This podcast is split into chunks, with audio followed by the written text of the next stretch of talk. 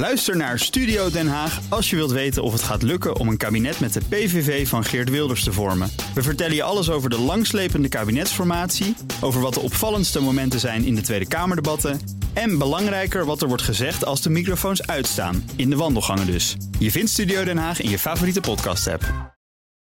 Zometeen het economenpanel, maar om alvast in de stemming te komen... eerst de Nederlandse economie, die is het afgelopen jaar met 3,8% gekrompen. Dat blijkt uit jaarcijfers van de Nederlandse Bank, die zojuist zijn gepresenteerd. En uh, verslaggever Roger Dankerlui, die was erbij. Goedemiddag, Roger.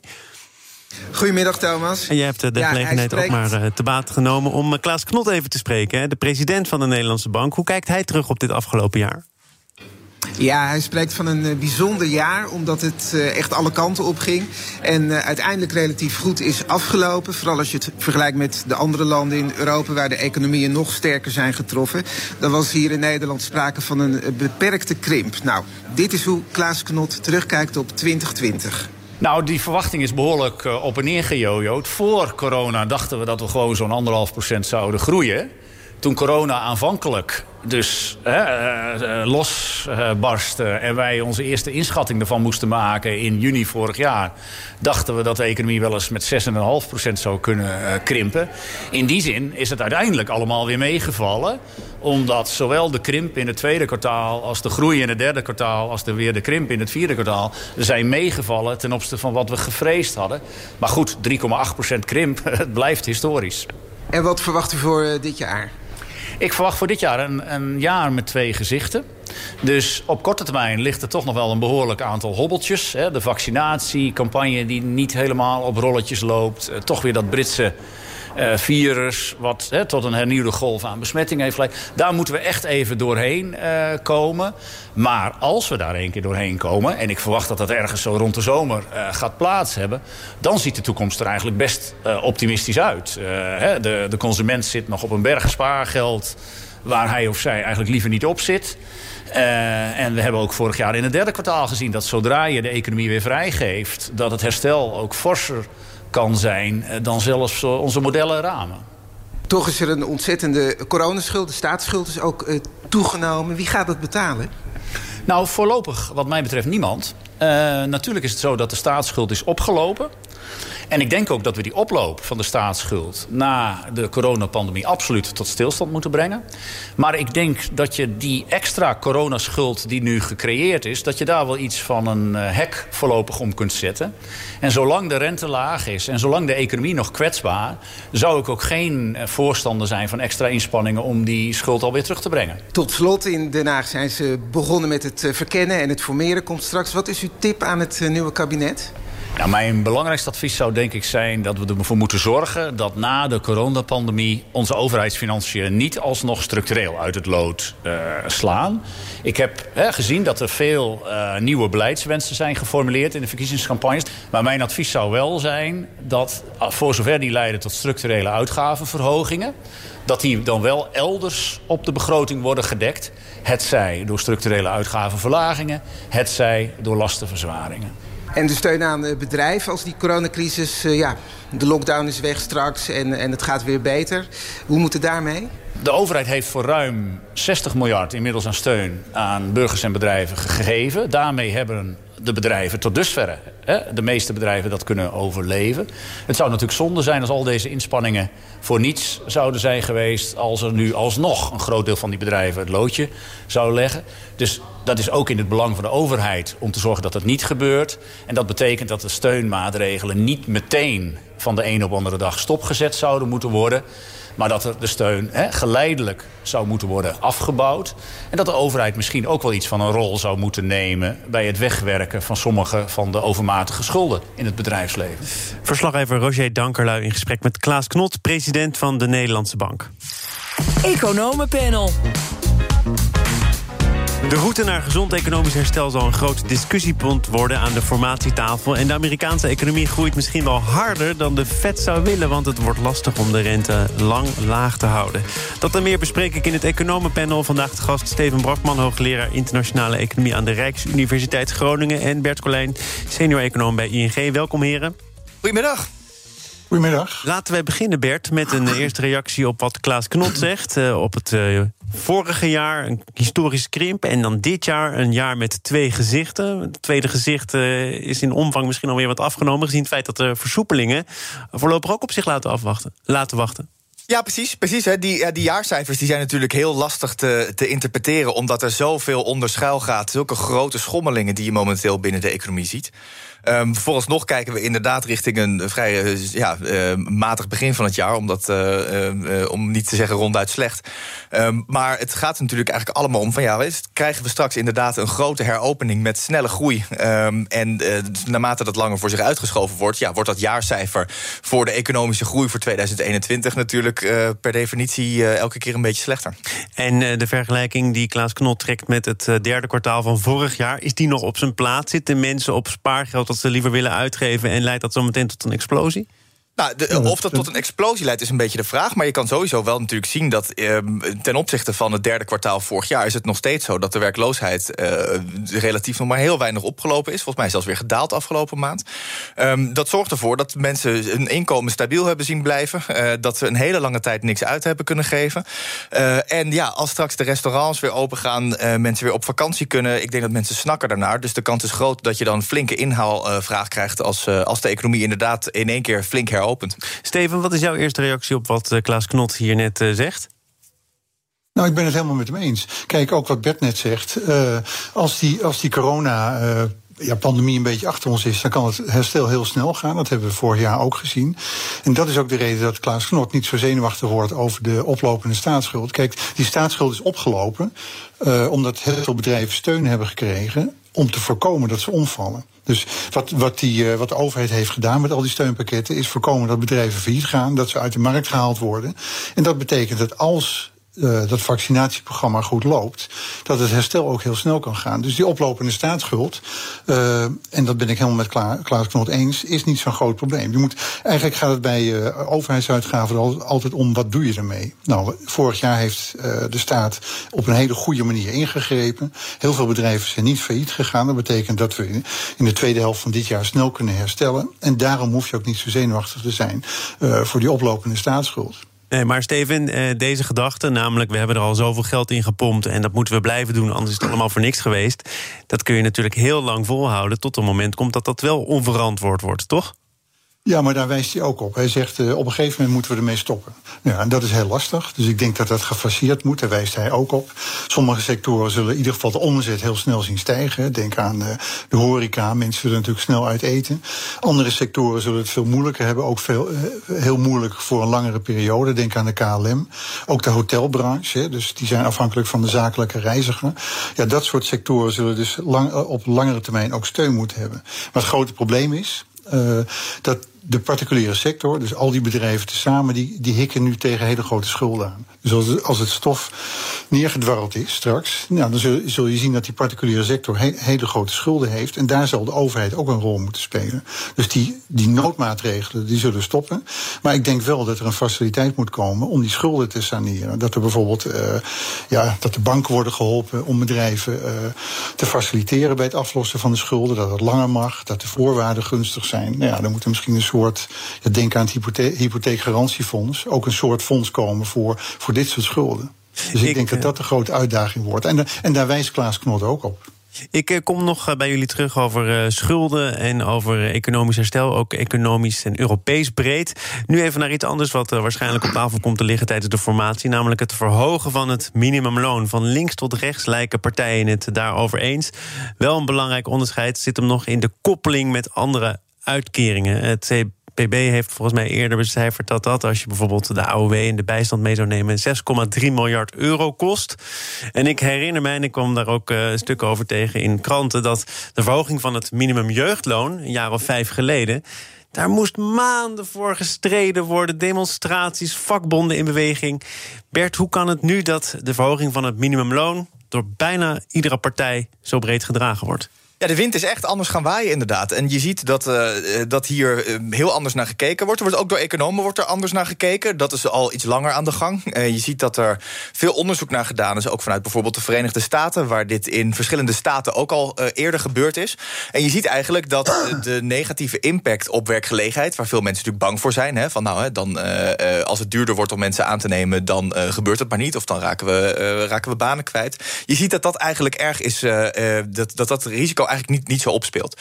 Um, dus dat betekent dat je uh, de koopkracht van mensen... die de afgelopen tijd natuurlijk toch uh, niet geweldig gestegen is... dat is natuurlijk een van de issues die we de afgelopen decennia... Uh, waar we ons, ons meer zorgen om zijn gaan maken. Met name bij mensen die wat minder verdienen, geloof ik. Hè? De lonen blijven daar ook echt extra achter. Precies. Nou, en je ziet, je ziet dus dat het, dat het wat dat betreft een stap is die je kan nemen... zonder dat het ook daadwerkelijk de, de werkgelegenheid per se raakt. dus wat dat betreft zie je dat dat, dat binnen de politiek ook, ook daarin momenteel gevolgd wordt. en dat er echt een reële kans is dat dat inderdaad nu gaat gebeuren. Maar een, een ondernemer die eh, voor de keuze staat om iemand in dienst te nemen tegen het minimumloon. en dus rekening zal moeten houden met misschien wel 10% hoger, minimumloon. En zou die dat dan doorrekenen aan klanten? Waar zit dat uiteindelijk in? Nou, kijk, dus het, eh, dat is inderdaad, als je naar de, van de microkant naar kijkt, dan is dat natuurlijk de zorg die je als ondernemer hebt. Uh, wat je ziet dat het uiteindelijk voor zorgt en waarom die werkgelegenheid daar dus uh, eigenlijk niet negatief op reageert, is dat het de koopkracht bevordert en dat het dus ook de consumptie bevordert, daarmee de vraag stimuleert en dat dat dus eigenlijk een wat positiever effect op de economie heeft. En daarmee, Steven, vloeit het dan dus kennelijk ook voor een belangrijk deel weer terug in de staatskas in de vorm van hogere belastingen misschien? Ja, ten dele gaat het gebeuren. Maar ik ben het nog even terugkomend op wat Bert net zegt. Ik ben, het met hem eens dat als je naar Amerika kijkt. Kijk, wat we hier willen voorkomen. Is dat wat in Amerika gangbaar is. Dat mensen twee of drie banen moeten hebben. Uh, om, om enigszins rond te kunnen komen. Dus wat dat betreft is zo'n verhoging van het minimumloon helemaal niet zo gek. Gaat ook niet om een groot bedrag. Het wordt van een tientje wordt het dan 11 euro. Dus dat valt allemaal mee. Maar ik denk dat het een onderdeel is van eigenlijk een groter probleem waar Nederland tegen, tegenaan hikt. En dat is ook een probleem voor het kabinet. Is de arbeidsmarkt als geheel.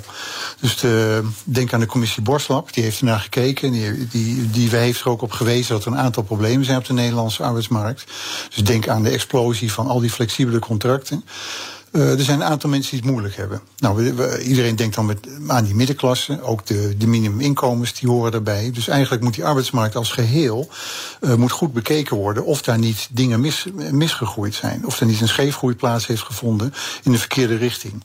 Dus ik denk dat het kabinet en daar, daar is het minimumloon een klein onderdeel van. Die hele arbeidsmarkt moet kijken om te kijken van uh, ja, wat, wat gaat daar goed, wat gaat daar verkeerd en wat willen we eraan doen. Wij kijken nu met jullie naar Amerika. Zaken doen. En jullie, dat is het economenpanel. Daar zit Steven Brakman, hoogleraar internationale economie aan de Rijksuniversiteit Groningen. En Bert Colijn, senior econoom bij ING. Jerome Powell, de baas van de Fed, voorspelt dat de rente tot en met 2023 op een heel laag niveau blijft.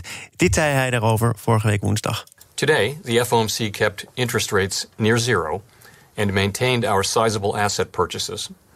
These measures, along with our strong guidance on interest rates and on our balance sheet, will ensure that monetary policy will continue to deliver powerful support to the economy until the recovery is complete. Op de Fed kun je rekenen. Niet alleen dit jaar, volgend jaar, het jaar daarna en dan nog een jaar erbij. En dat terwijl, als je kijkt naar de laatste prognoses over economische groei, 6,5 procent, werkgelegenheid neemt toe. Waarom dan toch vasthouden aan dit beleid, Bert? Ja, de Fed die kijkt heel duidelijk naar de middellange termijn en de inflatie en werkgelegenheid op middellange termijn. En die maken zich heel veel zorgen dat um, zij eigenlijk te maken hebben momenteel met een heel lastige economische outlook. Uh, normaal zou je zeggen, er zijn nog steeds 10 miljoen mensen minder werk, uh, uh, hebben minder werk momenteel dan voor de crisis.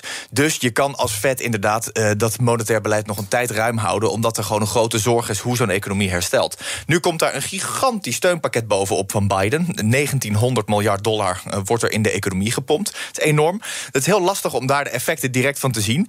Maar ja, je ziet natuurlijk dat vooral op financiële markten erg vooruitgelopen wordt op de impact die die dat gaat hebben. Je ziet veel economen in de VS gezaghebbend die zich zorgen maken dat dit voor oververhitting gaat zorgen. Um, en Powell die zegt van ja, wij moeten toch echt eerst nog maar eens zien hoe dat allemaal uit gaat werken. Als wij nu al onze steun weghalen en we zien dat dat pakket op een of andere reden niet het effect heeft uh, wat zeker de, uh, de meer inflationista-economen nu, uh, nu verwachten. ja, dan hebben we te maken met een periode dat we lang onze, ons target niet gaan halen. Maar waarom doet hij? Doet hij het dan dus vooral voor rust op de financiële markten? Want daarvoor is een centrale bank toch niet in het leven geroepen, of wel? Nee, nou kijk, ik denk dat het aan de ene kant is dat hij die financiële stabiliteit een beetje wil, wil bewaken. Dat hij niet ervoor wil zorgen dat je een nieuw um, taper tantrum, wat we in 2013 hadden. Toen zag je dat beleggers zich heel veel zorgen uh, gingen maken dat er te snel door de Federal Reserve het uh, uh, obligatieopkopenpakket afgebouwd zou worden. Dat is nu niet het geval, te snel. Dat kunnen we niet meer zeggen.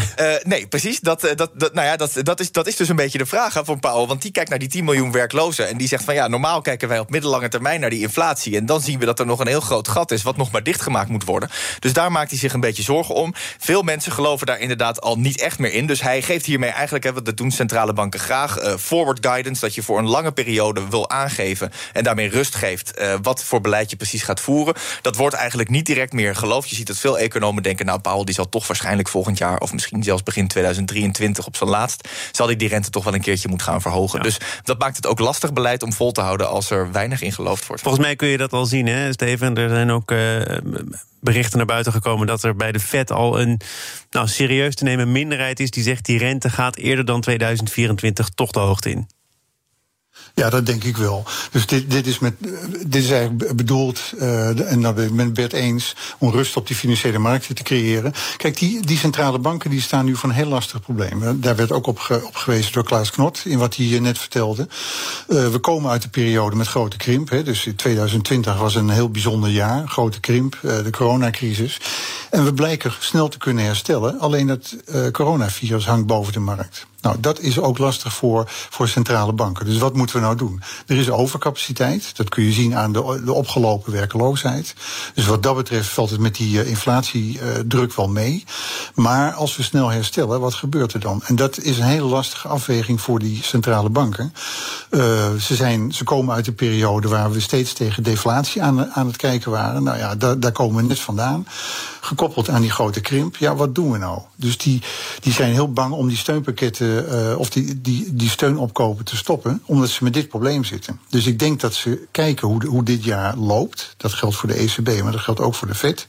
En ik denk als het dan echt uh, gaat lopen, dat, we, dat iedereen gevaccineerd is en weer terug kan naar het oude normaal, dat die uh, centrale banken dan echt serieus gaan overwegen om de rente te verhogen. En dat zal eerder gebeuren dan wat Paul aangekondigd heeft. En dan toch nog even terug naar wat, wat Bert net al aanhaalde. Dat enorme pakket van de regering Biden, 1900 miljard. Ja. Ook checks voor mensen met hogere inkomens die bepaald hun baan niet zijn kwijtgeraakt. Leidt dat nog tot, tot oververhitting? Of dat geld dat eigenlijk helemaal niet nodig is of niet direct terugvloeit naar de economie? Nou ja, het pakket is groot. En veel economen denken dat het eigenlijk te groot is, gezien de, de groeiverwachting voor dit jaar voor de Verenigde Staten. Je moet ook anders tegen het pakket aankijken. Dat is iets waar uh, Amerikaanse econoom Paul Krugman op gewezen heeft. Die zegt, ja, hier kondigt Biden ook iets anders aan. Dus wat zijn grote, uh, wat zijn grote doel is gedurende zijn presidentschap, is om iets aan de armoede te doen. Dus het steunpakket, zo is het verkocht, en daarom is het ook acceptabel voor heel veel uh, congresleden, uh, bevat ook een heel groot element aan armoede, armoedebestrijding. Dus hij geeft veel steun aan scholen waar het slecht mee gaat. De ongeletterdheid is niet alleen in Nederland, maar ook in de Verenigde Staten een groot probleem. Veel arme gezinnen die echt met, met de hulp die ze nu krijgen. Um, kunnen ze hun kinderen naar een goede school sturen. Dus het verschil tussen dit pakket en de afwezigheid van dit pakket betekent voor heel veel van die kinderen uh, een enorm verschil als je kijkt naar uh, welke scholen ze kunnen of naar welke scholen ze kunnen gaan. Dus ik denk dat het een deels echt een steunpakket is, maar deels is dit ook de aankondiging van eigenlijk, een groter project van Biden, van de regering Biden, om iets aan de armoede in de Het is ook wel degelijk uh, politiek, het is ideologie en er proberen ze daarmee dus ook een democratische agenda nou ja. door te voeren. Precies, het ja. is ideologie, maar vooral armoedebestrijding, wat ook hoog nodig was in de Verenigde Staten. Dan nog even naar uh, wat Klaas Knot ook al aanhaalde, namelijk schulden en of je daar een hek om moet zetten of dat je daar snel afscheid van zou moeten nemen. Uh, Bert, laten we even kijken naar de schuldenberg ook in, uh, in Europa. De Eurogroep is volgens mij vorige week bij elkaar gekomen. Daar hebben ze gezegd, nou, op een gegeven moment moeten de teugels wel weer worden aangetrokken, maar op dit moment nog royaal steunen. Is dat wat jou betreft ook verstandig beleid? Ja, ik denk het wel. En dat heeft ook een beetje te maken met wat Knot eigenlijk net ook al aangaf. Hè? Ehm, eh, je moet eigenlijk vooral niet, nu de eindstreep een beetje in zicht lijkt te komen met vaccinaties, moet je niet te snel uh, die steun weghalen. Want dan kan je alsnog krijgen dat je in de nasleep van deze crisis met heel veel een faillissementengolf te maken krijgt. En je economie die daardoor nog veel langer dan, ja, dan wellicht nodig in het, in het slop zou blijven, kunnen, zou blijven zitten. dus dat moet je eigenlijk proberen te voorkomen. Dus ik denk dat het verstandig is dat inderdaad ook volgend jaar de uh, ja, de escape-clausule van het, uh, het Stabiliteits- en Groeipact nog blijft gelden. Dat betekent dat landen meer dan 3% van uh, hun BBP in het rood mogen. en dat helpt om, om een beetje steun te blijven geven. In Europa is die steun een heel stuk minder al. als je gewoon kijkt naar de begrotingen die er voor dit jaar uitgeschreven zijn. dan wat er in de VS gebeurt. Dus Europa gaat al achterlopen ten opzichte van de VS in het herstel. Nou is natuurlijk dat VS wordt van gezegd misschien een beetje veel van het goede. Ehm, in Europa zou je zeggen, ja, het is wel nodig dat je nog een beetje wat blijft doen. Want anders dan gaat het wel weer heel lang duren voordat je deze crisis te boven bent. Wanneer wordt die schuldenberg wel problematisch, uh, Steven? Want ook daar zit misschien een keer een grens aan van wat verantwoord is en wat uh, daarover is. Nou, die schuldenberg die wordt voor het noorden van Europa eigenlijk niet problematisch. Kijk, eh, Nederland die kent een lange geschiedenis van uh, staatsschuld. En die staatsschuld is wel eens 200% geweest, ook een lange periode 100%. Dus daar hoeven we ons niet, niet zoveel zorgen voor te maken. Italië dan maar. Precies. Uh, het gaat om het zuiden, dus Italië, Portugal, Griekenland. Hoe, hoe kijken de financiële markten straks tegen die grote schulden van die landen aan? Nou, we hebben gezien in 2010, 2012, hè, de eurocrisis die uh, te maken had met Griekenland, dat die financiële markten van de een op de andere dag kunnen besluiten: uh, we vertrouwen het niet meer. Nou, dan gaat de rente in die landen enorm omhoog. En dan heb je hem weer, weer een probleem. Krijgen we misschien weer een europrobleem. Dus ja, wat, wat betekent dit? Ik denk dat de hoge staatsschuld voor het noorden niet zo'n probleem is. Voor het zuiden zou kunnen. Maar goed, daar hebben we, we hebben geleerd. Maar we zitten uh, samen in een Unie, Steven. Dus, dus het probleem van het zuiden kan dan toch ook het probleem van het noorden worden? Ja, maar we hebben geleerd. Dus we hebben in 2012 met Griekenland, uh, dat willen we niet nog een keer. Nou, daar, daar is ook zo'n enorm steunfonds voor opgericht. Uh, Nederland heeft al recht op een klein, klein beetje uit het steunfonds, maar dat is maar heel weinig. 6 miljard. Ja. Uh, ja, het grootste deel gaat toch richting die zuidelijke landen. En daarmee voorkomen we hopelijk dat er een herhaling plaats gaat vinden van 2012 met Griekenland. Nou, maar ja, dit wordt hier nu toch ook al genoemd door Steven. En Steven is niet de eerste. Is die parallel op zijn plek? Dat je toch denkt, ja, die Griekse situatie, daar moeten we niet naar terug. Maar ergens door een klein kiertje lonkt dat misschien toch wel? Nou ja, kijk, kijk ja. uiteindelijk is het natuurlijk zo dat het, dit, dit blijft absoluut spelen. Uh, dat is, uh, zo, zolang je uh, binnen Europa te maken hebt met landen die, hun eigen, die met hun eigen staatsschuld zitten en je geen permanente begrotingstransfers hebt, blijft dit, een, blijft dit een, een sluimerend probleem. Een stuk minder nu dan in de eurocrisis, want we hebben het fonds wat door Europa opgericht is, waarvan uit inderdaad een hoop geld richting Zuid-Europa vloeit. Dat geeft op financiële markten een hele hoop vertrouwen. Ik denk eigenlijk dat de impact op de economie daarvan het meeste al vorig jaar geweest is. Door het vertrouwen dat dat gegeven heeft aan financiële markten. Dat Europa elkaar deze keer niet laat vallen. Uh, meer nog dan de euro's die daadwerkelijk naar Zuid-Europa vloeien. Want dat is toch een relatief beperkte hoeveelheid. Uh, als je kijkt naar percentage BBP. Um, maar dat is wel relevant. Uh, en wat dat betreft denk ik, ja, er staat een iets stabieler huis. Maar uiteindelijk ja, kan, kan dit elke keer weer gaan spelen. Ja. Theoretisch zeker. Ja, Steven, nog even tot slot hoor. Want ik ben al dik over de tijd heen. Maar je sputtert een beetje. Heb ik jou verkeerd samengevat? Nee hoor. Oh. Nee, ik denk, ik, eigenlijk zijn Bert en ik het eens. Kijk, die, de grote problemen van, uh, van de euro zijn, zijn niet opgelost. Europa het eurogebied kan niet goed omgaan met verschillende ontwikkelingen in, in, de, in, in de deelnemende landen. En daar is nog steeds geen goede oplossing voor. Nou, het steunfonds helpt daar een beetje bij, maar we hebben eigenlijk nog steeds geen goede manier om spanningen in het systeem op te lossen. Ja, en dan lopen we toch een keer tegenaan.